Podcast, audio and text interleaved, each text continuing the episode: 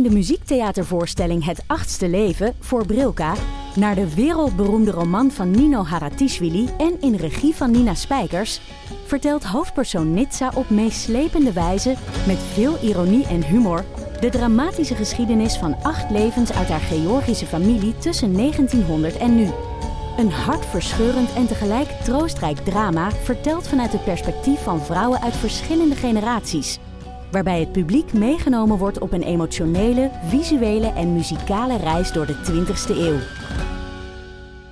Koop je tickets voor het achtste leven via oostpol.nl. Hallo, ik ben Jaap Jansen. En die zagen een blad gaan met korenwijn. En ik maak met PG Kroeger. En een half uur later weer een blad met korenwijn. Een podcast. Toen heeft het kabinet gezegd, dan stappen we op. Waarin PG historische verhalen vertelt die ook veel zeggen over vandaag. Goed zitten zijn, dat is een first voor mij. En waarin leiders en echte deskundigen vertellen hoe het werkelijk toegaat. In Den Haag en in Brussel. En dan weet je hoe dat afloopt. De grote landen domineren, de kleintjes die worden onder de voet gelopen. Betrouwbare bronnen. Het is waanzin. Hoe is het mogelijk? Twee keer per week in je favoriete podcast-app. Fijn dat je luistert naar Boeken FM, de literaire podcast van de Groene Amsterdammer en Das Mag. Wil je nooit meer een aflevering van ons missen? Neem dan een abonnement op ons in jouw podcast-app. Zo ben je als eerste op de hoogte als wij weer wat nieuws te vertellen hebben. Wij doen ook vreugdedansjes als we een mooie recensie of gouden sterren van jullie krijgen in jouw podcast-app. En je helpt je medemens omdat wij dan ook beter zichtbaar zijn in hun podcast-apps. Zit je met een vraag of heb je opbouwende kritiek voor ons? Mail dan naar boekenfm.dasmag.nl. Met Riek? Ja, ja bij, bij mijn Veendaal gaat het ook zo. Ja, nee, maar, maar tegen, tegenwoordig hebben wij trekkers, hè? Wat is een Bob, een riek. oké, een riek. Wat is een riek? Je bent echt We- zo Weet je echt niet wat een riek is? Is dat een soort hark? Ja, jongens, de, de bloesems botten alweer uit aan de takken, dus we weten hoe laat het is. De uitreiking van de Libris Literatuurprijs komt eraan. De shortlist is bekend. Zes schrijvers zijn inmiddels hun nagels aan het opvreten tot hun coaches. Wie gaat hem dit jaar pakken? Wie wordt de opvolger van Sander Kollaerts dagboek van een hond? Ik zit hier vandaag met mijn geliefde collega's, bedweters en veelweters. Joost de Vries, adjunct hoofdredacteur van de Groene Amsterdammer. En Bob Kappen, adjunct hoofdredacteur van Het Leven. Mannen, welkom. We hebben ons allemaal door een stapel heen gelezen. Of althans, niet allemaal. Een poging Ehm, gedaan tot. een poging Poging gedaan gedaan tot. tot. Eh, als ik even voor mijzelf spreek. Ik, ik zeg het toch maar even. eh, er zijn een paar dingen in mijn familie aan de hand in- eh, met ziekte. Dus ik heb een aantal boeken niet kunnen lezen dit jaar. En ik heb één boek overgeslagen. Eh, welk boek dat is, daar zullen we zo meteen op komen. Laten we openen met het boek dat ik vanwege tijdsnood niet heb besproken. Namelijk Marijn de Boers, De Saamhorigheidsgroep. Nou en of. Nou en of. En misschien moeten we ook erbij zeggen eh, voor de luisteraars... we gaan het dit keer in tweeën hakken. Dus we hebben podcast 1, number 1, dat is vandaag... waarin we eh, drie boeken van de shortlist doen. En dan doen we volgende week, denk ik, of de week daarop... eh, de andere drie boeken die genomineerd zijn voor de shortlist... waarvan er eentje hebben we al een hele podcast aangewijd. Jeroen Brouwers. Vorig jaar verschenen. Ja. Te vinden in je favoriete Ook podcast-app. in dit gezelschap. muziek. Dus misschien een beetje gek. Met We kunnen hem ook gewoon nog een keer doen, die podcast. Maar dat we dan nu gewoon hem even terugluisteren... en dan volkomen andere meningen hebben. Dat kan Joost, maar met het oog op de tijd. Kijk, het is altijd, lieve luisteraar, een uitputtingsslag om zo'n Libris-podcast op te nemen. Om drie boeken in één uurtje te bespreken. Dus ik ga jullie ook, wanneer jullie al te homerisch dreigen te worden qua uitweidingen, afkappen. Het snoer van de microfoon doorknippen. Marijn de Boer. Allereerst, jongens, wie is Marijn de Boer? Wat heeft hij geschreven tot dusver? Marijn de Boer is een, een hele aardige jongen. Dat laat ik daarmee beginnen. Nee. Geboren in 1982. Oh, Goed jaar. oh, zo, Mooi ja, jaar. goed jaar, mooi ja, jaar. Ja. Mooi jaar. En hij is... eh, ehm, ik ken hem echt al vanaf zijn buurt. Ik, ik, nu tot mijn schrik, of nou, dat is tot mijn schrik. Maar ik merkte wel dat...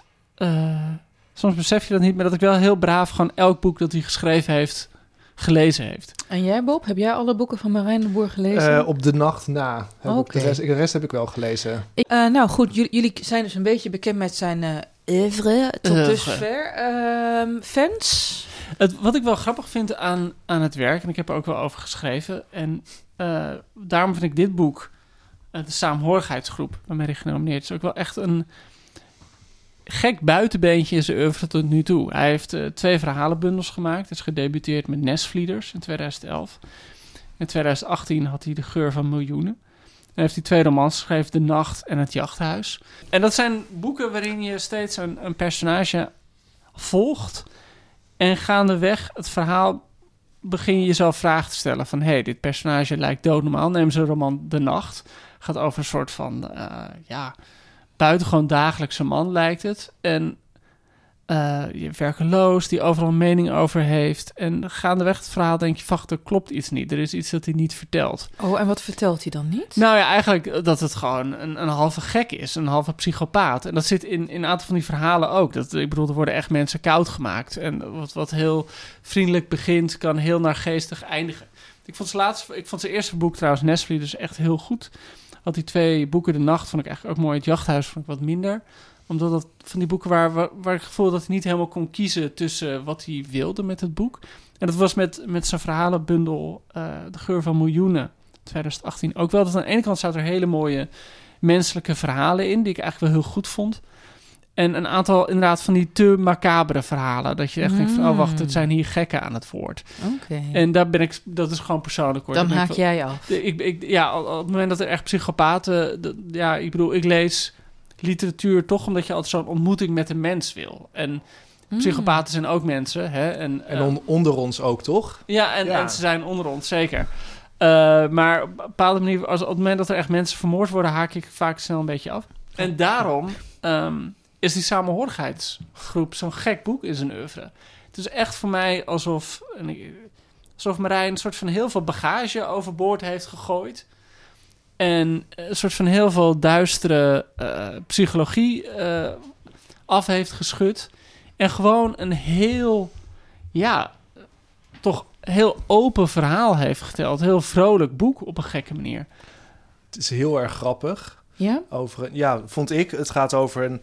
De saamhorigheidsgroep heeft echt bestaan in Haarlem in de jaren 70, geloof Ja, ik. ja, dat speelt zich af in de Ja, jaren een 80 soort commune. Ja. Eh, waarin, eh, nou, eh, ze voldoen eigenlijk aan alle stereotypes die we van communes hebben. Breiende mannen, naakt dansen op straten in de duinen. Ze moeten allemaal 10% van hun inkomen afstaan aan, aan die groep. En die geeft het dan weer aan goede doelen. Ja, en het, het, hoe, hoe zieliger je eigenlijk bent, of de wereld vindt dat je zielig bent, hoe meer kans je maakt op dat geld. Eh, ja, dus als je eh, homo bent eh, en met een donkere huidskleur en je komt uit Zimbabwe of zo, dan, dan maak je heel veel kans op geld van de saamhorigheidsgroep. Dat vond ik, dat, dat bleven hele komische voorbeelden. En het gaat eigenlijk vooral over een topdiplomaat eh, in het nu, die terugkijkt op zijn leven. Eh, hij is niet stervend of In zo, het maar nu anno nee, 2020 of voor corona? voor corona. Ja, voor corona nog. Ja, Dat Het is wel belangrijk in trouwens, hè? 2018 Ja, inderdaad, ja. En hij ja. beseft zich eigenlijk dat hij maar één jaar in zijn leven gelukkig is geweest. Eh, en dat is in die tijd dat hij bij die saamhorigheidsgroep woonde. En waarom is hij daar weggegaan uit die saamhorigheidsgroep? Die- ja, Nee, de vraag is eerder waarom is hij erbij gegaan? Ja. Want hij, is, hij, Ah. was, hij was diplomaat, hij werkte in Den Haag. En in tegenstelling, eigenlijk was hij gewoon een heel vreemde eend in de bijt in dat groepje.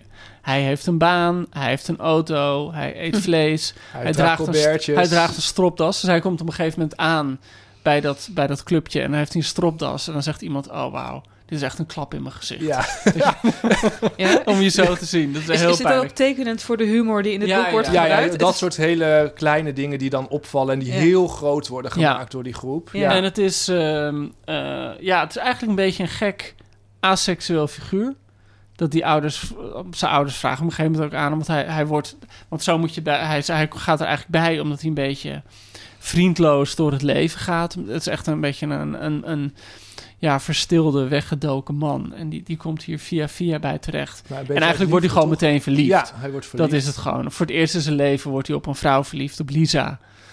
Ehm, Die, en, is, en die, is wel, die heeft een eh, relatie met een... eh, een- Iemand anders uit met- die groep? Ja, met maar een natuurlijk die... is eh, iedereen polyamoreus, of niet? Dat wordt niet echt... Nou, niet helemaal, echt nee. duidelijk. Dus Nee, er wordt nee. wel Nee. naar gehint, Ja? eh, maar het is niet eh, dat dat zomaar mag, volgens mij. Eh, Nee, het is, het is dan zeg maar de, de Nederlandse variant van een commune. Ja. Dus wel goede doelen en zelfgebreide truien, maar niet zomaar met iedereen naar bed gaan hoor, want dat, dat vinden ze allemaal een beetje eng. en ehm, ik moet eerlijk zeggen, kijk, dat, dat, dat vind ik ook wel bijzonder aan het boek. Dat aan de ene kant kan je zeggen over die personages, zoals Marijn ze beschrijft, het zijn nou, ik zal niet zeggen clichés, maar het zijn een soort van hele grote uitvergrotingen. Je bent gewoon een Mhm. soort. Ik, ik moest af en toe aan Jan Jans en de kinderen denken of zo. Het zijn allemaal van die, van die jaren 80, jaren 70 clichés van hoe hippies zijn. Mhm. Of Suske en Wiske. Of Suske en Wit. Nou ja, ik alles weet niet wat of daar Vlaams hippies in is. wordt- nee, maar alles wat Vlaams is, of het beeld van Vlaanderen, dat wordt heel erg uitvergroot. Dus altijd friet eten, altijd bier drinken. Ja, ja, op die manier is het Ja. een beetje een, een Ja. cartoon op een of andere manier. Maar wat dan... Dus ik denk dat dat heel veel mensen... daarom, volgens mij loopt dit boek heel goed. Ik, ik heb ook echt dit boek aan meerdere mensen cadeau gedaan. En die moesten er allemaal heel erg om lachen. Dat vind ik trouwens leuk, Joost. In, de- in deze podcast zeg je dat wel vaker. Dat is echt een soort Joost de Vries kwaliteitskeurmerk. Nou, maar dat je het cadeau geeft. Het, het, het- ik heb ook gewoon boeken die ik geweldig vind... en die je niet snel cadeau doen. Maar dit is wel... Ik bedoel, het, het is een heel toegankelijk boek. Het is heel Mm. helder geschreven. Het begint een beetje... met die topdiplomaat die terugkijkt op zijn leven... heel erg à la F. Springer... Mhm. Weet je, dat is een, een, een onterecht eh, weinig meer gelezen auteur. Eh, die altijd Ja. schreef over van die melancholische diplomaten die op een oude liefde terugkeek. En zo begint het een beetje. Het begon dat ik dacht van, goh, Marijn eh, de Boer gaat nu een soort F. Springer plegen. En gek genoeg wordt het dan heel snel eigenlijk meer een Dick Maas film. Wat? Ja, gewoon zo'n... Van Zo'n Vlodder, Vlodder. dat Ja. soort... Ja. Een beetje dat. Maar wat je dan erbij moet zeggen, dat als die personages een beetje cartoonesk overkomen, is dat het dus geen clichés zijn. En dat hij er wel hele originele dingen mee doet. Dus je hebt die keurige diplomaat die erbij komt, die op zich lijkt hij een beetje een soort lulletje rooswater. Maar al snel blijkt hij bijvoorbeeld een heel gek ja, soort seksualiteit te hebben. Dat hij altijd asexueel was. En vervolgens wordt hij verliefd op die Lisa. Maar eigenlijk wordt hij niet verliefd op, op haar, maar op haar stem. En zij heeft een hele mooie stem. Dus dat, dat vind ik een van de, de, de grappigste dingen ook, eh, waar ik echt keihard om moest lachen. Dat hij dan de hele tijd gewoon eh, met haar stem bezig is. En ehm, zij, zij spreekt ook tv-series in en tekenfilms. en dan, eh, ehm, dan, dan eh, gaat hij dus gewoon zo'n kinderprogramma zitten kijken over het slakje en spaarse kabouters. En dat is door haar ingesproken. En dan zit hij zich ondertussen af te trekken voor de tv. Omdat hij die stem hoorde. Terwijl de Westerkerk zeven keer sloeg, trok Bernard zich, ha- zich hard af. hij besefte dat op datzelfde moment overal in het land kindertjes naar het programma keken. Dus, eh, dus, dus hij, Marijn de Boer weet van die gekke... en er zit ook een geweldige seksscène in, moet ik zeggen, met die, die Lisa. Ik wil niet veel verklappen. Maar vond ik ook zo ontzettend slim en origineel gedaan. Dus dat is denk ik het, het bijzondere aan dit boek. Dat, Jongens, ik wil dit boek nu Ja. toch Ja, alsnog maar- meteen maar lezen. dit, dit, maar is wel echt een boek om te lezen hoor. En, en ik heb het ook echt met, met daverend plezier heb ik dit gelezen. Nou, het is wel heel erg leuk, want het, op het omslag staat misschien wel de meest bekende eh, po- Foto. politieke affiche wat er ooit is geweest. Van de, eh, PSP. van was de het, PSP, van de vrouw in het eh gasveld. Daar, dat zie je dus in de winkel, dat Ja. heel veel mensen die die poster kennen, dit dus massaal oppakken. oh. Terwijl je dat als boekverkoper misschien niet per se in eerste instantie aan die mensen zou verkopen. Dus dat is wel heel erg grappig om Oh, te zien wat waar mensen op aanslaan. Want ik vroeg me dat echt af. Ik zag die omslag. En dat is, dat is gewoon zo'n naakte vrouw die met de armen, in de wei, armen uit, breed uiteen in de wei staat met een koe erachter. Echt zo'n totaal zo'n Ja. zo'n Nederlandse hippie eh, Ik beeld. had meteen dat liedje van Boes in, eh, in mijn achterhoofd. Ja, boes boes. Ja, dat, eh, ik, ik begrijp meteen wat je bedoelt. Ja. Eh, Ik- maar ik- grappig dat ik- daar dan mensen dus Ja, en wat ik, wat ik persoonlijk wel erg leuk vond, ook omdat... eh, nou, volgens mij zit in de jury van de Libris een eh, P van de A-politica. Eh, het, het boek las... Ik ben, ook, ik, ben trouw, ik ben trouwens ook een, een lid van de Partij van de Arbeid. Het las Wat? voor mij ook Nou, ergens als een soort P van de A-roman. Omdat ze... We zijn natuurlijk heel erg als P van de A altijd aan het terugkijken... Het was ooit, waren Ja, er ja. jaren dat het heel erg goed ging. Waar is het in godsnaam mee- misgegaan? Hoe komt het dat er PvdA'ers bij banken, Schiphol, Shell werken? Hoe is dat? Ja, waar- hoe kan dat Ja. nou, Bob? Hoe Ja, kan Nee, maar en dat dat- is gewoon nou- heel erg waar hij dat... Hij neemt dat links... eh, eh, dat linkse activisme, dat, daar steekt hij op zijn manier ook wel een beetje de draad mee. Nou, En wat, dat wat, wel... ja, wat, wat natuurlijk slim oh, het, het eindigt ook dan, eh, hè, dan kijkt hij weer terug en heeft een soort reunie met een aantal van die mensen. Iedereen heeft ook hele goede banen Ja, bij Shell dus zo, dus dat En- vind en- ik zo. Dat is, natuurlijk, dat is natuurlijk altijd de grote grap. Dat Silicon Valley wordt ongeveer gerund door mensen die in de jaren zeventig gewoon totale tegencultuur Ja. zaten. En nu dan allemaal hun miljarden opstrijken.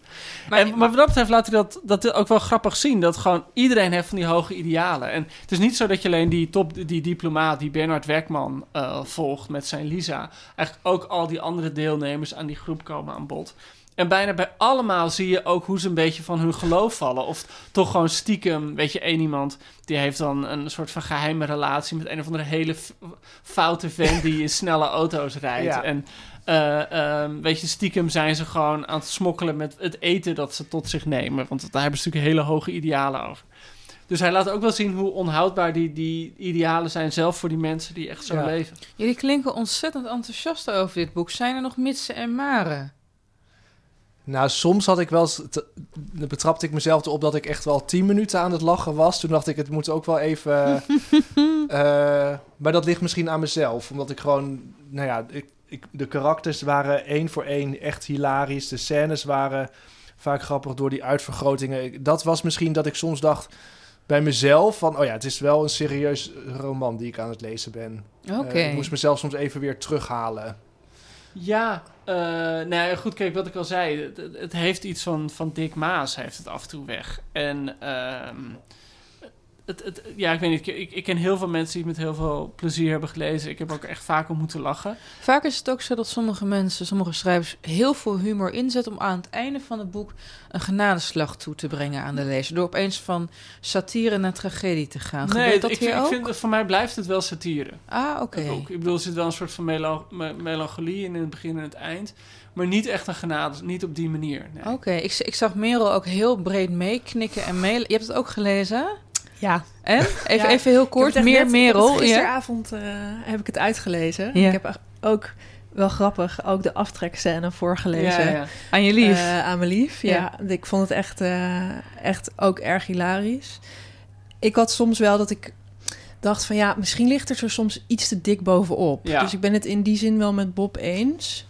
eh, dat het niet alleen maar aan jou lag. Ja, dat ik, fijn. dat Fijn. had ik ook. Ja, Is dit trouwens, jongens, een Libris-winnaar?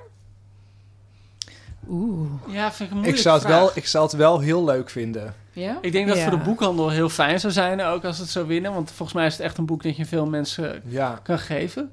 Maar als je het vergelijkt met, met een aantal van de andere boeken op de shortlist, is dit misschien iets meer leuk om te lezen dan dat het heel Ja. literair is. Dus het is net waar de jury zin in heeft. Oké. Het is natuurlijk ook zo, er was vorig jaar ontzettend veel ophef Ja. op de winnaar, Sander Collard. Niet eens omdat Manon Uphef de gedoodverf, daar kunnen we later misschien nog wat Nou, meer over ja, zeggen, ja. werd gepasseerd. Maar vooral weer een witte man. Ja, en ik vind dan heel sneu voor iemand als eh, Marijn de Boer... en ook bijvoorbeeld voor mede-genomineerde Erwin Mortier.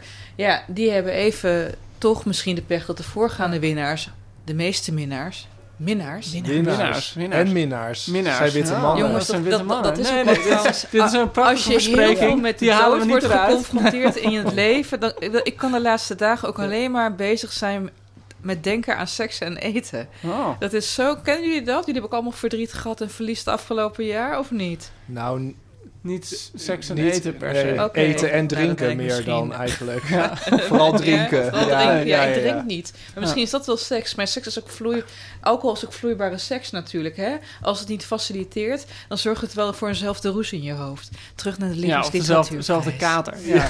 In jouw geval Iedere misschien keer wel, weer, Joost, ja. maar daar kunnen we misschien later over bedoel, weer hebben. niet gelukt, We hebben een keer ja. een enquête uitgezet en dit was de conclusie. Ja. Maar als je Ehm. kijkt, maar even terugkoppelend, als je kijkt naar eerdere winnaars van deze prijs, er is de afgelopen jaren ook al vaak overgeklaagd, ook door de lezeres des Vaderlands die ging turven, hoe vaak mannen Ja, en dus er sta- Ja, hij ja. staat wel vrouwen 10-0 werden achter. Ja. Ja. staat 10-0 achter. Maar goed, daar kunnen we in de tweede aflevering van de Ja, dan Libris gaan we voorspellen, overkomen. toch? Dan gaan Even we nog een cijfer, inzetten. kinderen. Joost. Eh, ik geef dit wel een 8. Een 8. Bob. Ook een 8. Merel. Ja, sorry. 7,5. 7,5 7,5 wordt het meer. afgerond toch een 7,9 voor Marijn de Boer. Ik kijk Merel even aan. Hadden wij vragen? Zullen wij even een vraag tussendoor doen als palette cleanser Nou, wat, wel, eh, wat wel leuk is, is dat we een warme groet uit Noorwegen hebben. Poeg- Dat uit Poes Noorwegen. och kram. Of is dat Zweeds, jongens? Tak, haaien. Dat is Zweeds, Oh, toch? dat is oké. Maar, maar vertel. Dat Eh, Noorwegen met die koning. Ja, komt-ie. Eh, beste Ellen, Bob, Joost en Merel. Het is al vaker gezegd, maar naar Boeken FM luisteren voelt echt als lid zijn van een intieme boekenclub. Ik lees en luister tijdens mijn nachtshifts in het ziekenhuis, waar ik werk of tijdens het koken. En ik probeer jullie tips te volgen en door te geven. Zo heb ik juist de verborgen geschiedenis uitgelezen na het luisteren van de vorige aflevering. En maak ik me klaar voor Annie Ernaux. Dit is al een tijdje geleden dus. Ik deel graag nog een paar leestips waar ik zelf veel aan heb. Tip 1. Koop een e-reader voor het gemak. Ja. Oh jee, Tom. Thanks. Je kan nog steeds. Ja. Oeh, eh, Dit hoor, dit horen ze altijd graag bij de boekhandel. eh, ja. Ja, oh, arme Als je e-boeken dan maar bij ons koopt, dan is het goed. Ja, oké. Shout-out naar Atheneum. Tip 2. Ik geef na het lezen van een boek de titel in in mijn eigen podcast-appen... en vind zo vaak een aflevering van een of andere podcast die ik dan luister... natuurlijk Boeken FM, hè, als een soort van nabeschouwing. Tip 3. Ik woon zelf in Oslo en onderhoud mijn vriendschappen met mijn op afstand wonende vrienden... door dezelfde boeken te lezen als hen. Ach, wat mooi. Ja, echt erg leuk. En Goodreads is een heel prettige en motiverende app daarvoor. Heel vaak begin ik ook meteen te lezen in een boek dat me getipt is. En ik heb gemerkt dat de tipgever dat als een groot compliment ziet. En tot slot, heb ik het gemist of hebben jullie het nog nooit gehad over Karl Ove Knausgaard's magnum opus? Oh mijn god, moet je je voorstellen dat we knau, knau, Ja, Knausie. eh, Knausie, Knausie doen. de Knausgaard eh, moeten lezen. Hij Wel een zegt, mooie eh, man, Tom zegt, Volgens mij, eh, volgens mij Ja. dit is Tom, Tom uit Zweden. in Noorwegen Oh, beschouwen Noorwegen. we dat als het eindpunt van de literatuur. Nou, dat vind ik nogal wat. Is dat een positief of negatief Nee, bedoelde is omdat iedereen die die boeken gelezen heeft, zo opstapelt en er dan volgens van afspringt. Ja. En dan Oh ja. ze- dan ben je ze op je nek. We gebroken. beter ja. over de leermeester van Knausgaard hebben, Vossen. Dat is Ja, maar die wel, eh, ja, Vossen. John Vo- die wordt altijd Jon genoemd Vossen, als... eh, zo mooi. die wordt Oh. altijd genoemd als eh, Nobelwinnaar. Ja. Dat staat elk jaar bij die shortlist. Dus, eh, Maar Tom, ik, Tom heeft natuurlijk één leugen eh, verteld. Want er zijn, eh, dames en heren, geen andere boekenpodcasts. Dit is de enige boekenpodcast. dus zoek er ook niet naar. Nee, Ga niet je zitten zoeken. toch Nee, niet. je vindt ze niet. Boe. Wij zijn de enige boekenpodcast.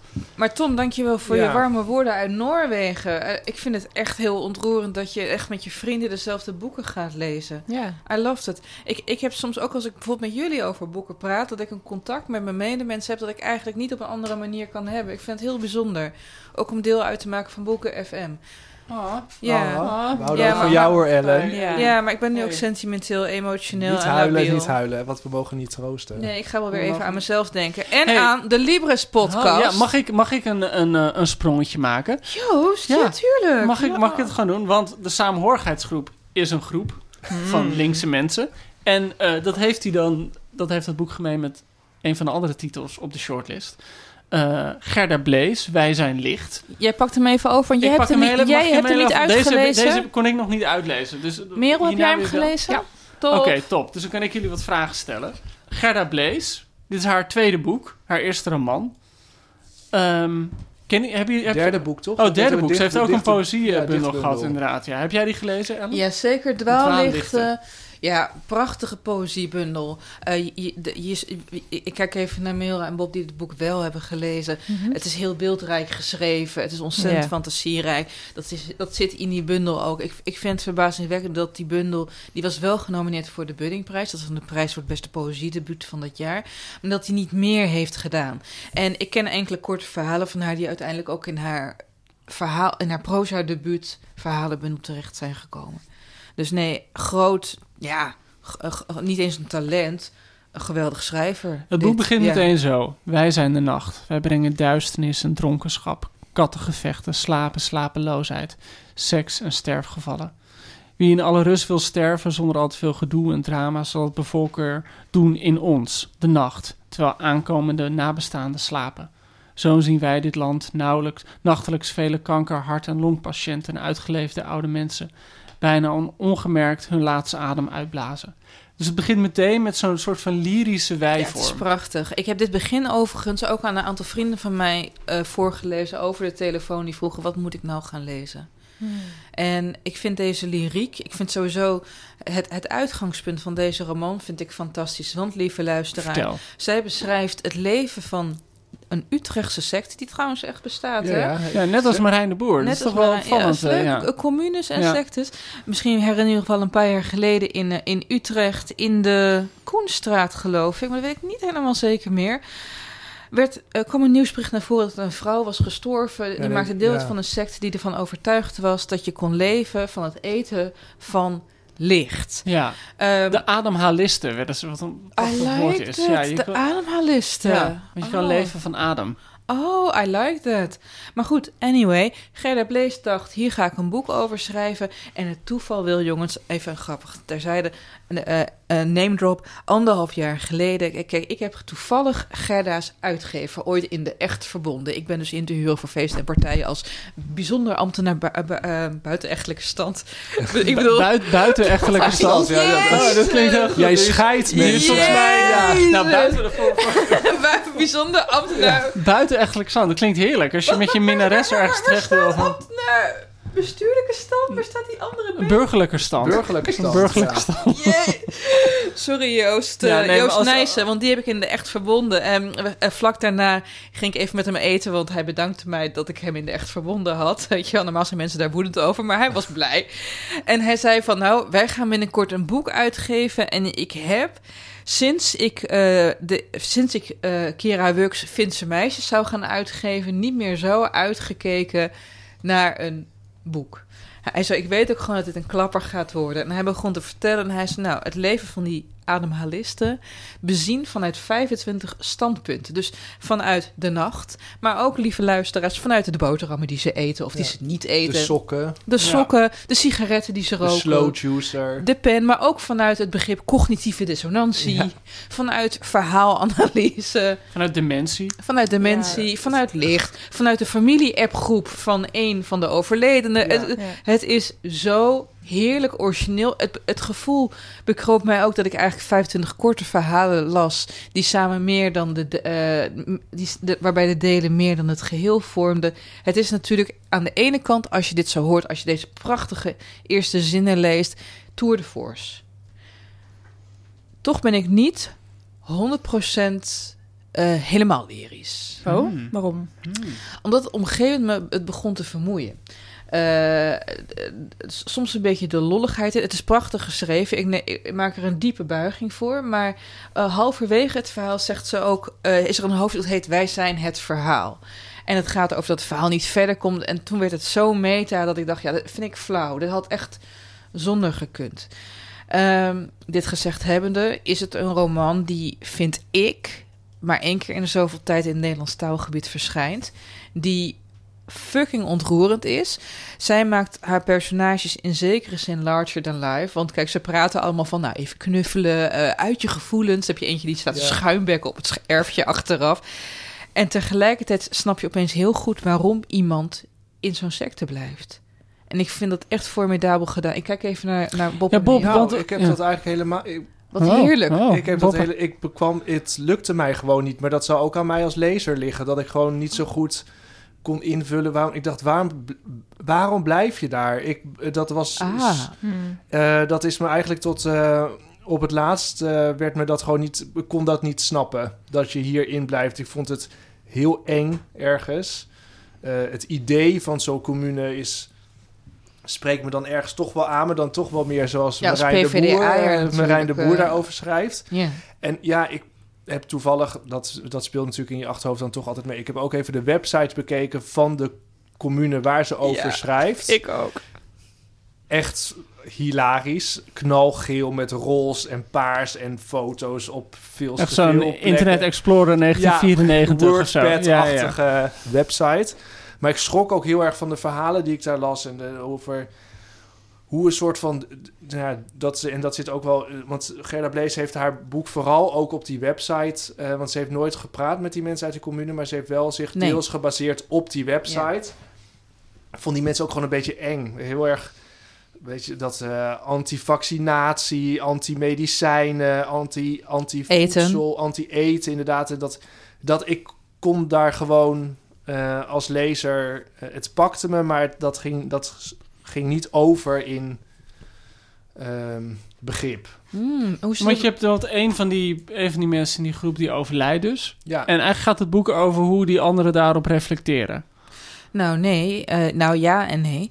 Ze worden opgepakt natuurlijk. En Ja. eh, in de politievoren zitten ze opeens alleen. Dan zijn ze geen groep meer. En dan komt de twijfel. Ja. En wat ook wel van belang is, is dat het haar zusje is die overlijdt. Ja, de, het Van zusje van de de- secteleider. Van de Ja. secteleider. Wat, wat vond jij van het boek, Merel? Je hebt het ook Ik, het is gelezen. mijn... eh, Ik vind het zo leuk nee. als Merel ook gewoon de mening ja, vind ik heel Dat- fijn. Ze, heel vaak wil ze dat niet, maar het is altijd heel fijn als ze opeens een mening blijkt te hebben. Ja. Ja. ik heb opeens een mening. Ik heb ook stiekem alle boeken gelezen. Nee, Oh, nee. niet. Oh. Maar ehm, tot nu toe is Blaze mijn favoriet. Ik vind het... eh, Wie moet je nog lezen trouwens? Ik ben net begonnen in Rijneveld. Ja. En Mortier. Oké, oké. Oké. interessant. Ja, ik heb echt, echt heel erg genoten van Blaze. Waarom? Maar we gaan volgende keer pas praten over wie je moet winnen. hè? Ja. Natuurlijk, Ja. maar, Oh ja. maar, maar, geen spoilers, eh, Merel. Mensen Nee, geen spoilers. Ja, omdat ik het zo origineel vond. Ja, go. Eh, Ja. Echt, omdat het... eh, ik stuurde op een gegeven moment een berichtje aan iemand... die vroeg, ben je nu aan het lezen? En toen zei ik, ik ben nu een boek aan het lezen... en ik zit nu in een hoofdstuk waaruit er gefocaliseerd wordt vanuit een brood. Ja. En dat is gewoon...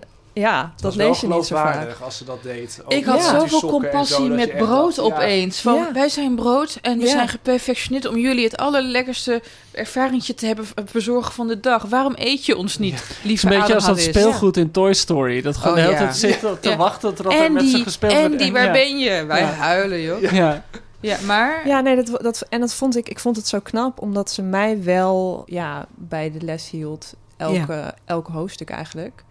Ehm, ja, ik vond het gewoon ontzettend knap. Wij zijn een sinaasappelgeur. En dan een hoofdstuk schrijven vanuit een sinaasappelgeur. En dat Ja. het ook nog geloofwaardig overkomt. ja, ja, en dat ja. je ook nog iets vertelt over het verhaal ondertussen. En ook de fictie die ze eraan toevoegt. Want een van die agenten heeft dus een dochter met een eetstoornis. Oh, ja. Hoe kijk jij dan naar mensen die zichzelf Ja. vrijwillig uithongeren? Ja, ik vond het Ja, heel zij werd slim. helemaal uh, naar ervan, hè? Ja. En ook Ja. echt wel boos. Ja. En er was één hoofdstuk waar ik echt door ben weggeblazen. Welke? Dat was het hoofdstuk over dementie. Dat vond ik echt Ja. Zo knap gedaan. Ja. Dat je... Gek ja, genoeg heb ik dat geen gelezen. woorden voor bijna. Eh, ik vond het eh, zo knap. Ik zat vooruit te bladeren. Want, Oh, echt? Ja, want ik, ik, ben nu, ik heb nu 80 bladzijden gelezen of zo. En, ehm, maar ik zat er stiekem een beetje doorheen te bladeren... omdat je toch de hele tijd benieuwd bent van... oké, welke perspectieven komen, er meer? nog? Ja. Eh, weet je wel, en er kwamen nog WhatsApp-groepen vijf. Ik valt, en toen zag ik wij zijn dementie. En toen dacht ik, nou, toch even kijken wat er dan Mhm. gebeurt. En dat is inderdaad wel een tour de force. Dat is wel echt eh, eh, waarin ze dat, dat hele concept dat ze heeft... soort van de volumeknop maximaal opendraait. Ja, ik was echt weggeblazen. Ja, snap ik. Snap Ja. ik. Same hier. Same hier. En wij zijn niet de enige trouwens, want het heeft de Nederlandse Boekhandelsprijs. Ja. Het is geshortlist nu namens Nederland voor de Europese Literatuurprijs. Dus, en een zeker eh, heeft vijf sterren. Ja, snap ik. Ja, Snap ik. echt, Terecht, terecht. Ik vind, eh, ja, ik vind het een heel sterk boek.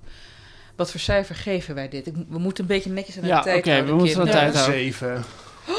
Oh, Bob. Dat is zo, we, we- Oh. we zijn ook wel zo slecht bij boeken. En we Oh. natuurlijk veel te gul zijn met cijfers altijd. Dat een zeven is een soort van klap in je, je gezicht. gezicht. of zo, weet je wel. Ja. Dan maak je borst maar nat dan. Nou, maar, maar, maar over borst... maar oké, oké, oké, oké. Maar over borst gesproken, Merel, wat geef Ja, jij borst, het? haha. Borst, hey, want Merel Borst. Ehm, Ik leg hem even uit voor de luisteraars ja, thuis. Die borst. zitten nu allemaal als de Oh. Merel Borst. Maak je borst van nat. Lol. Mensen zitten nu allemaal te schateren thuis, hoor, onze lezers. En anders wij wel. Ze zitten allemaal te koken en zo. Oh. Merel is even rood als Bob's haar nou. Hallo. Hoi. Eh, ik geef het lekker een 9. Oh. Hatsa. Ja, ik ook. plat. Merel, ik geef Ja? het een, eh, ja, ik geef het een Nice. 9 met je mee. Dus afgerond Oh. wordt dat een 8,3 voor Gerda Blees. Ja, lieve luisteraar, dan is het alweer tijd voor het derde en laatste boek van dit deel van onze tweedelige Libris-podcast. En dat is Mijn Lieve Gunsteling van Marike Lucas Rijneveld. Ik, heb het, eh, ik ga het niet bespreken, het heeft niks met, eh, met haar te maken, maar zij staat te dichtbij in het cirkeltje waarin ik zit. Zij is de beste vriendin van weer een van mijn ja, geadopteerde zusjes. Dus eh, ik, eh, ik, ik vertrouw mijn oordeel niet. Oké, fair enough. En ik vertrouw me en ik wil geen problemen krijgen met haar. Ja, dat is zo, weet je, uiteraard. Oh, maar in dat geval is van ook een een negatief oordeel. hoe het op mijn stoep staat.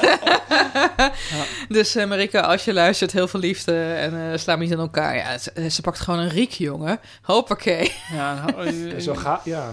Het platteland, zo gaat het hoor. toch ook waar jij vandaan komt, denk ik. Ja, wat, ja, bedoel Met? Riek? Ja, ja, met bij- Veenendaal vandaan gaat het ook kom. zo. Ja, nee, maar, tegen- tegenwoordig hebben wij trekkers, hè? Is een Bob, een riek. oké, een riek. Wat is Een riek. Je bent echt zo weet je echt niet wat een riek is? Is dat een soort hark? Ja, Ja. een riek is een soort harkje. Oké. Alleen met drie, eh, drie hè? Drie eh Ja, een, een soort trident, weet je Oh, wel? Wat dan een soort Poseidon had. Ja, Poseidon. Ja, Ja. Poseidon, ja. Maar goed, ehm, los hiervan dus... ik heb het niet gelezen, eh, maar jullie hebben het wel gelezen. Ja, heb ik wel gelezen. En wat vinden wij ervan? Maar voor mij is het zo'n boek dat bijna heel moeilijk is om te lezen. Eh, waarom? Alice, waar gaat het over trouwens? Nee, nee, maar laat me eerst dit zeggen. Want Oké, ik het kwam gewoon zeggen. zo uit. Soort, het werd als het ware door alles contact, de uitgeverij, een soort van gedropt. Ja. Opeens zo bam, boek De is er. nieuwe. De nieuwe. Het boek was niet, stond niet in de aanbiedingsfolder, maar opeens was het er. Ze had net die Man Booker International Prize gewonnen van The Discomfort of the Evening. De avond is ongemak. Ja, ik spreek allemaal talen en ik ben echt uh, ja, Je bent een polyglot. Ongelooflijk. Je Ja, bent net ja, ja. Sigrid Kaag. Nederlands, Engels, gewoon geen probleem. Het gaat echt uh, een lopende band. En dat boek komt gewoon zo uit opeens. Het krijgt meteen... Dus het heeft net dat, dat, die enorme wind in de zeilen van die uh, Boekenprijs. De avond is ongemak staat volgens mij in de top 3 of zo van het CPB top 60. Uh, en op dat moment komt dus mijn lieve gunsteling aan. Meteen vijf sterren in de zee. In, in de, de Volkskrant. Ja, in de Volkskrant. In, in Parool stond echt zo'n recensie van... alle andere schrijvers moeten ophouden met ja. schrijven... want dit is het enige dat telt. Dus het, en dan heet ook nog mijn lieve gunsteling, weet je wel. Dit is, dit is gewoon meteen zo'n soort van kanonschot. Wow. En dan is het altijd moeilijk om je daartoe te verhouden als gewone lezer... of als soort van afstandelijke lezer. Omdat het, het succes al zo van het boek afspat... nog voordat je er een pagina van gezien hebt. Maar jij bent niet echt een afstandelijke lezer, toch? Nee, maar ik bedoel, ik, ik, ik ging er geen recensie over schrijven. Nee. Of ik bedoel, ik was niet... Anders had ik het niet, uh, niet hoeven lezen. Dus je leest het toch uit eigen beweging. Maar het voelt dan bijna geen eigen beweging meer, omdat het met zo'n klaroengeschal ja. uh, geboren wordt. Um, ja, het moest, was wel een verplichting om het gelijk in je tas te stoppen om, het om er s'avonds aan te beginnen. Hoe gaat dat dan bij Atheneum, Bob? Ben ja. ik wel benieuwd als zo'n boek, want het boek, ja, jullie wisten natuurlijk wel dat het eraan kwam, maar het was Iets toch eerder denk ik dan jij, maar onver, ja. het was toch redelijk onverwacht dat het er opeens toch was nog. Ja, nee, ik hoorde dan via via via wel uh, via de vertegenwoordiger dat het eraan zat te komen en uh, dat werd dan een ja. Dat, dat, dat, vergeet je dan ook weer, want dat zal dan nog wel even duren. En we waren heel erg bezig om uh, uit Engeland al die Discomforts of Evenings te halen. Want dat verkoop, verkocht als een tierenlier. De, avond de Engelse versie? Ja, maar de avond is ongemak begon ook weer ineens enorm te verkopen. Dus we gezorgd dat het allemaal maar op voorraad is. Ook heel, dat was wel heel erg leuk, vond ik. Klanten die um, de Engelse en de Nederlandse kochten. Om dan uh, te vergelijken qua vertaling. Uh, dat soort klanten Grappig komen dan ook ja. bij Atheneum. Hm. Uh, en dan was er in één keer nog een Marieke Lucas die je ook in huis moest hebben. Uh, en hoe ga je dat dan doen in je etalage? En nou ja, dat soort. En Deed het ook iets voor haar poëzie? W werd het ook meer verkocht? Daarna pas. Hebben jullie oh, erover toch hoopvol. om haar gewoon zelf in de etalage te zetten? Gewoon dat een van jullie een papier-maché pop maakt van Marieke Lucas. Ja, ze is bij ons geweest om te, om te signeren. Maar dat vraagt Joost niet, nee, dat vraag ik niet. Hebben jullie, eh, overwegen jullie wel eens papier-maché poppen te maken van schrijvers? Zou jij graag een papier-maché in de winkel ja, willen zitten? Misschien, misschien. Ja, ja dat kunnen we regelen hoor. Dat mag wel hoor. Oké, okay, maar nu over het ja. boek. Um, dus ik begon. Um, ik had er wel zin in, want ik vond uh, De Avond is Ongemak wel ik vond ik een mooi boek. Nu, heb je, nu geef je het al weg. Ja. ja. Oké, okay, maar ga maar door, ga maar door. Um, ja, dat vind ik wel maar benieuwd, ik denk ja. wel, ik heb volgens mij nog nooit zo lang gedaan over een boek uitlezen. Oh? oh. Ik vond het um, stilistisch vond ik het erg mooi, mooie zinnen. Um, maar laten we, ja, ja. Maar ik vond het verhaal uh, echt te heftig. Want wat is het verhaal, Bob? Ja, voor de, voor de luisteraar die onder een volkomen een... steen heeft gelet... die gewoon nu net het hunnebed uitkomt... een beetje in de oogjes wrijft... en denkt, goh, Marieke Lucas, wie is dat eigenlijk? Waar gaat ja, het boek over? Het, boek gaat over een uh, veearts... Uh, oh. ik, ben even, ik weet niet meer hoe oud hij is, maar ik denk ergens in de 40 of zo. 49. 49. Met een gezin. Um, en hij komt uh, regelmatig op een uh, boerderij in het dorp. Uh, en wordt eigenlijk verliefd op, het, op, de, op, op, het meisje op, van de die boerderij, de ja. gunsteling. Um, er ontstaat een, een verlangen naar dat en meisje. hoe oud is dat meisje? Help Ja. eens. 14. 14. Oh, Dank het is er zo heen. Is, dit een, Ah. is, dit, is dit een soort pedo? Nou, niet een soort. ja, het is gewoon Een letterlijk soort- ja. ja. Oké. Eh, en ik, toen begon bij mij echt wel... eh, die, die blokkade werd toen enorm eh, eh, opgeworpen. Eh, ik heb het natuurlijk ook wel met collega's en klanten over gehad. En voor sommige mensen viel dat weg tegenover de stijl. Ja, Sidney Smeets vond dit een heerlijk boek. Ja. Ja, denk het ook. Ja. Maar voor mij stond, eh, was die stijl niet goed genoeg om het verhaal eh, draaglijk te maken. Dus ik heb er echt, nou, het zijn eh, hoeveel pagina's? Bijna 400. Maar, ik heb maar- er denk ik echt vier weken over gedaan. maar de, de- de, de vorm verpestte dus de inhoud. Nee, het hief het niet op. Het hief niet. Nou, maar, maar wacht even. Misschien heb ik de laatste tijd te veel Sklowski gelezen, hè? Maar er is toch eigenlijk geen inhoud zonder vorm, Bob? Nee, maar... ehm, mag ik er even over nadenken? Dat is Over goed. antwoord? Ik over, over naar Joost. Lieve gunsteling, ik zeg het je maar meteen. Ik had je in dat stijlorige hoogseizoen als een zweer met een hoefmes uit de klauwlederen huid moeten verwijderen.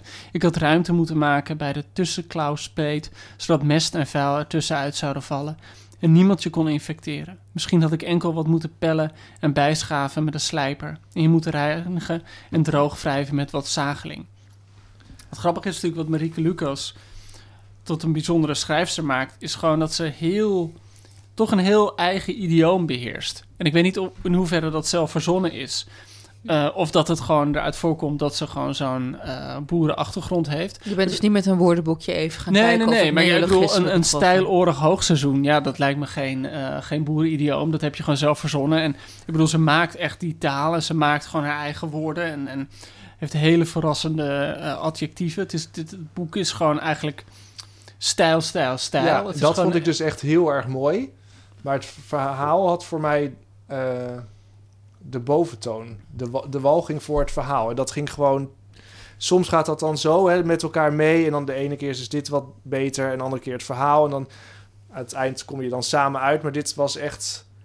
Ja, En, die eh, en die walging voor die boventoon, zit het erin dat je, je steeds meer in het hoofd van een pedoseksueel wordt getrokken? Want dan, is die, dan vind ik het knap Ja, dat dan, walging dan wordt... lukt eh, precies wat ze wil. ja natuurlijk. maar Ik, ik wil dat niet als lezer. Ah, het is Ah. ongewenste intimiteit. Ja, ik, Ja. Vond, eh, ik vond die man zo walgelijk dat ik dacht, ik wil dit niet lezen. Joost, had jij dat ook? Nou, ik had... Ja, ik heb er een dubbel gevoel over. Want aan de ene kant, het is stilistisch zo in de overdrive. Hebt, het, zijn, het zijn pagina-lange zinnen. mhm. Ehm, dat je echt zo denkt van... Goh, als iedereen met deze intensiteit een roman aanving...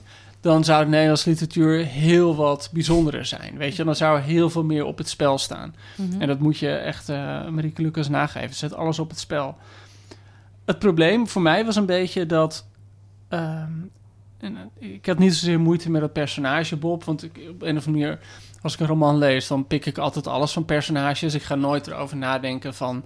vind ik ze leuk, vind ik ze niet leuk... vind ik ze gemeen, vind ik ze walgelijk. Maar bij psychopaten haak je wel af. Ja, nou, maar het is meer dat ik niet van moorden hou. Dat, dat, dat- weet je, dan, dat is altijd zo'n element van dat je denkt... ja, god, als we eenmaal elkaar in stukjes gaan hakken... dan, dan hoeft er ook geen reali- eh, realiteitszin meer in te zitten. Maar Maar ik, een fysieke aantastingen in de vorm van een machtsongelijke vond seksuele dit ook een vind je geen probleem. nou, maar dat is gewoon intermenselijk veel meer. Dus daar was ik gewoon... Moreel verantwoord, immoreel. Ja, maar gewoon moraliteit is natuurlijk een super interessant onderwerp. Maar op het moment dat je iemand in stukjes hakt... dan komt er geen moraliteit meer aan te pas. Oh, zeker wel. Nou ja, ik weet niet of je Een iemand... absentie eh, ervan. ja, ja, maar de absentie... Ja, oké. Maar ja, de absentie vind ik een stuk minder interessant dan De dreiging. dit, dit, wat er bijvoorbeeld in zo'n boek als dit zit, waarin het de hele tijd gaat van begrijp je zijn liefde, zij gaat erin mee op een bepaalde manier, wanneer houdt, wanneer is iets nog liefde en wanneer is iets manipulatie, dat zit natuurlijk heel erg in. maar begreep Wat jij voor zijn liefde? Nou, oké, eh, hoe zou ik het zeggen zonder dat het gemeen is? Voor mij was dit boek gewoon woorden, woorden, woorden. En het verhaal ligt heel erg voor de hand. Je weet wat er gaat gebeuren. Ik bedoel, dit is iemand, die man die aan het woord is, die spreekt vanuit de gevangenis. Dat geloof je allemaal meteen. En het boek is voor mij, dus dat verhaal vond ik eigenlijk heel erg voor de hand liggend, wat er ging gebeuren. Dus daar hoefde ik het niet voor te lezen.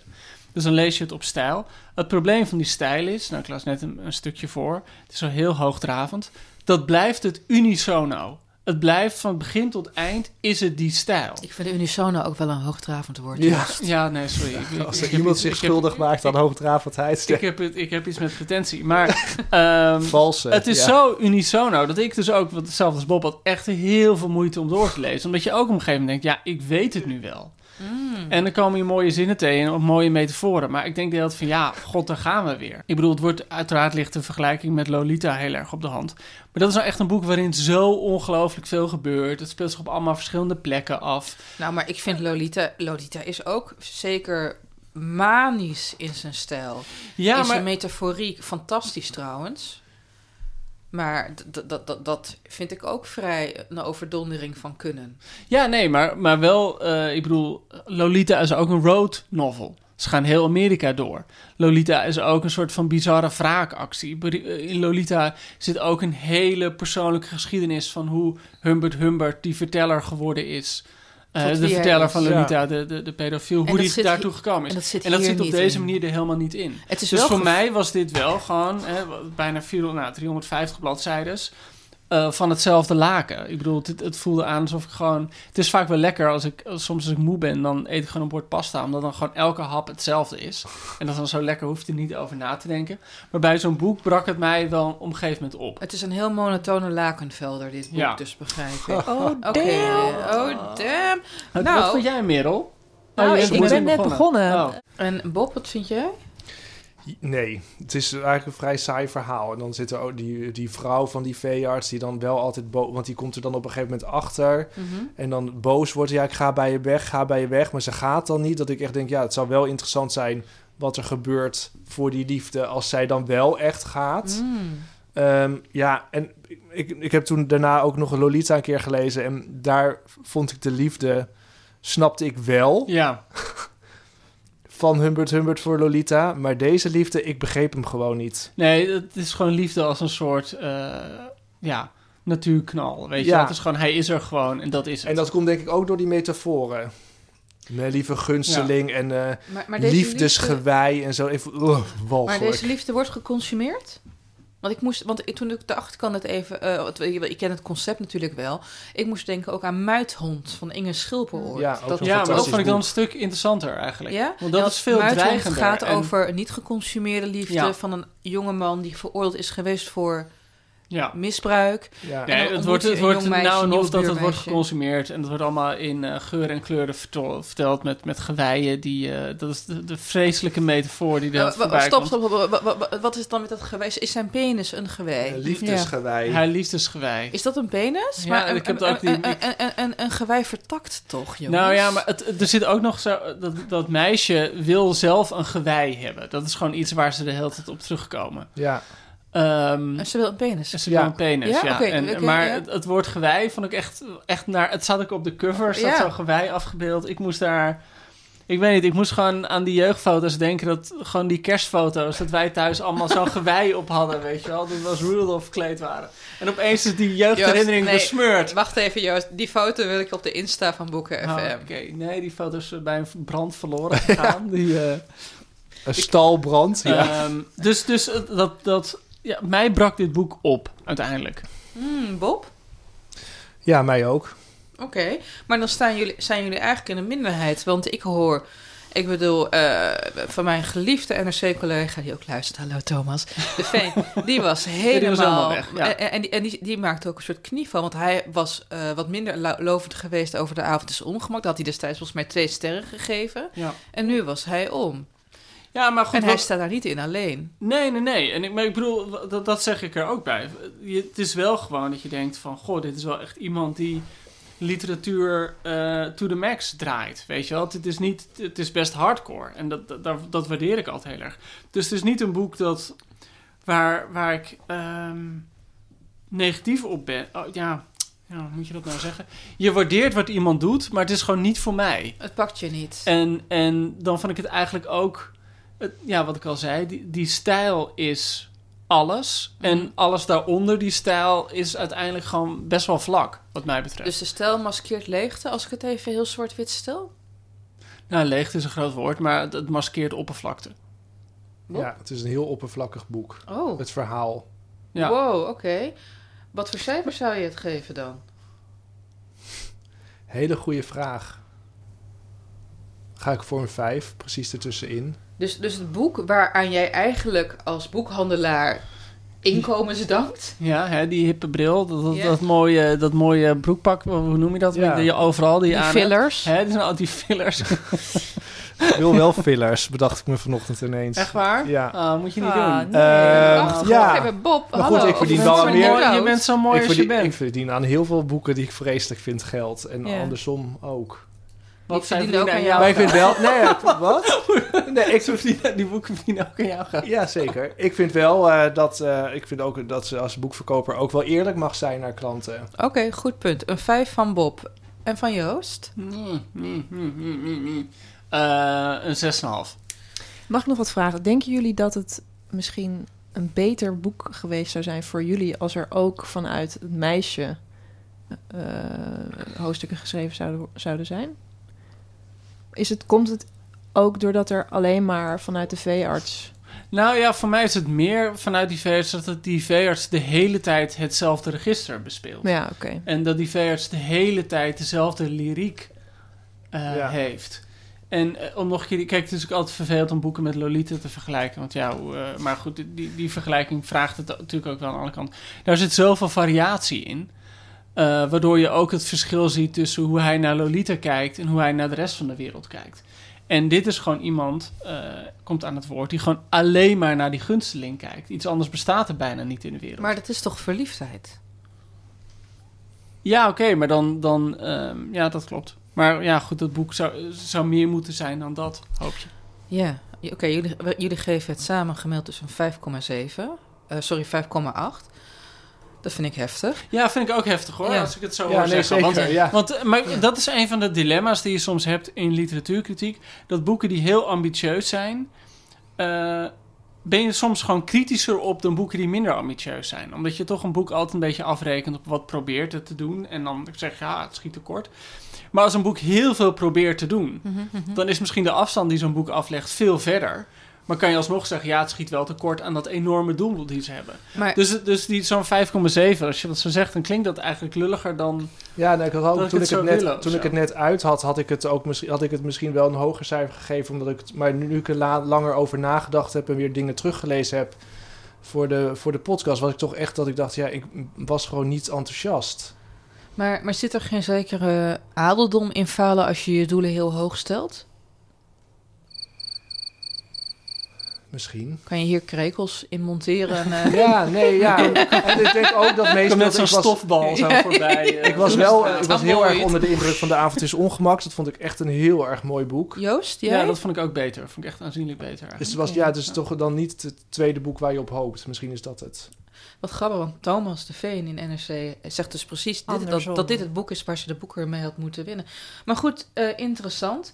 Wat ik me dan ook afvraag, ehm, is in hoeverre eh, de International Booker Prize dit oordeel ook bestendigt van jullie.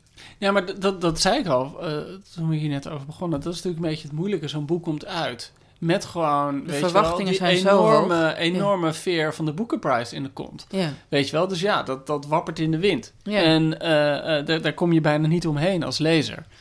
En sowieso is dat soms een probleem hoor. Dat sommige boeken, ook klassiekers, die worden dan...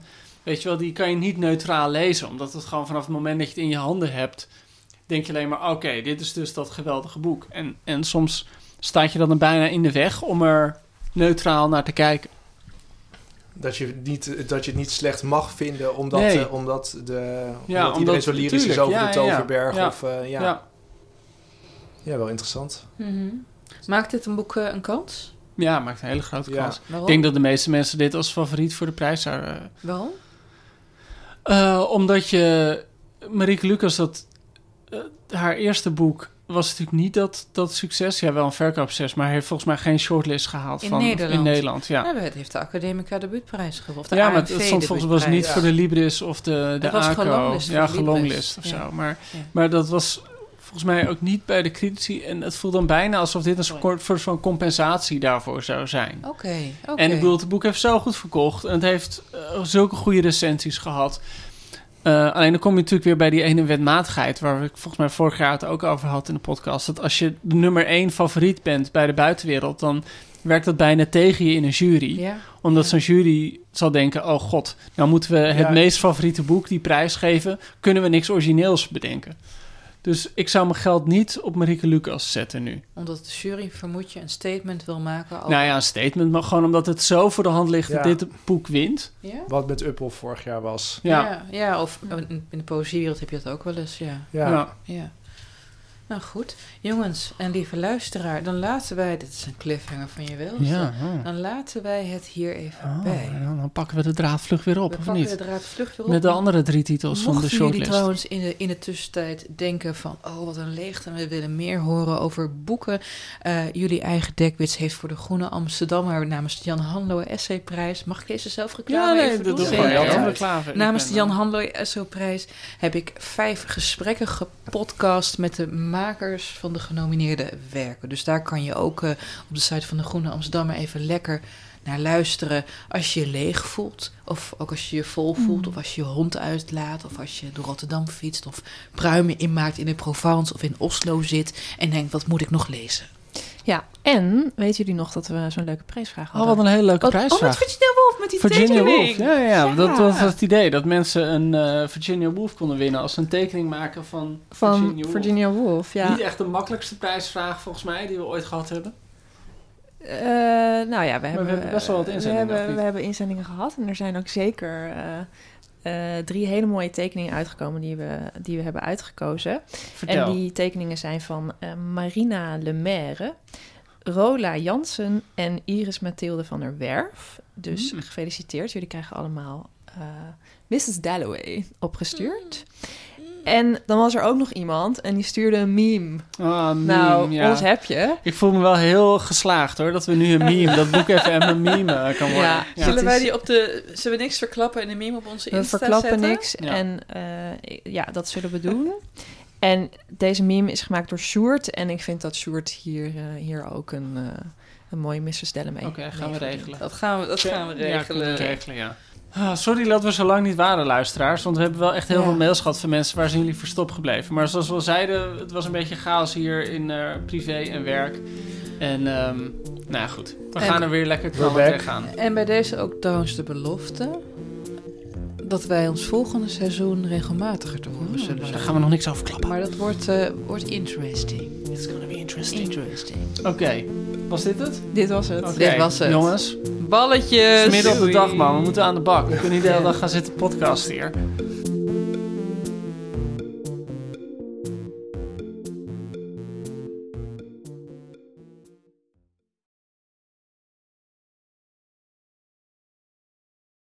Nog even over die grootse en epische muziektheatervoorstelling.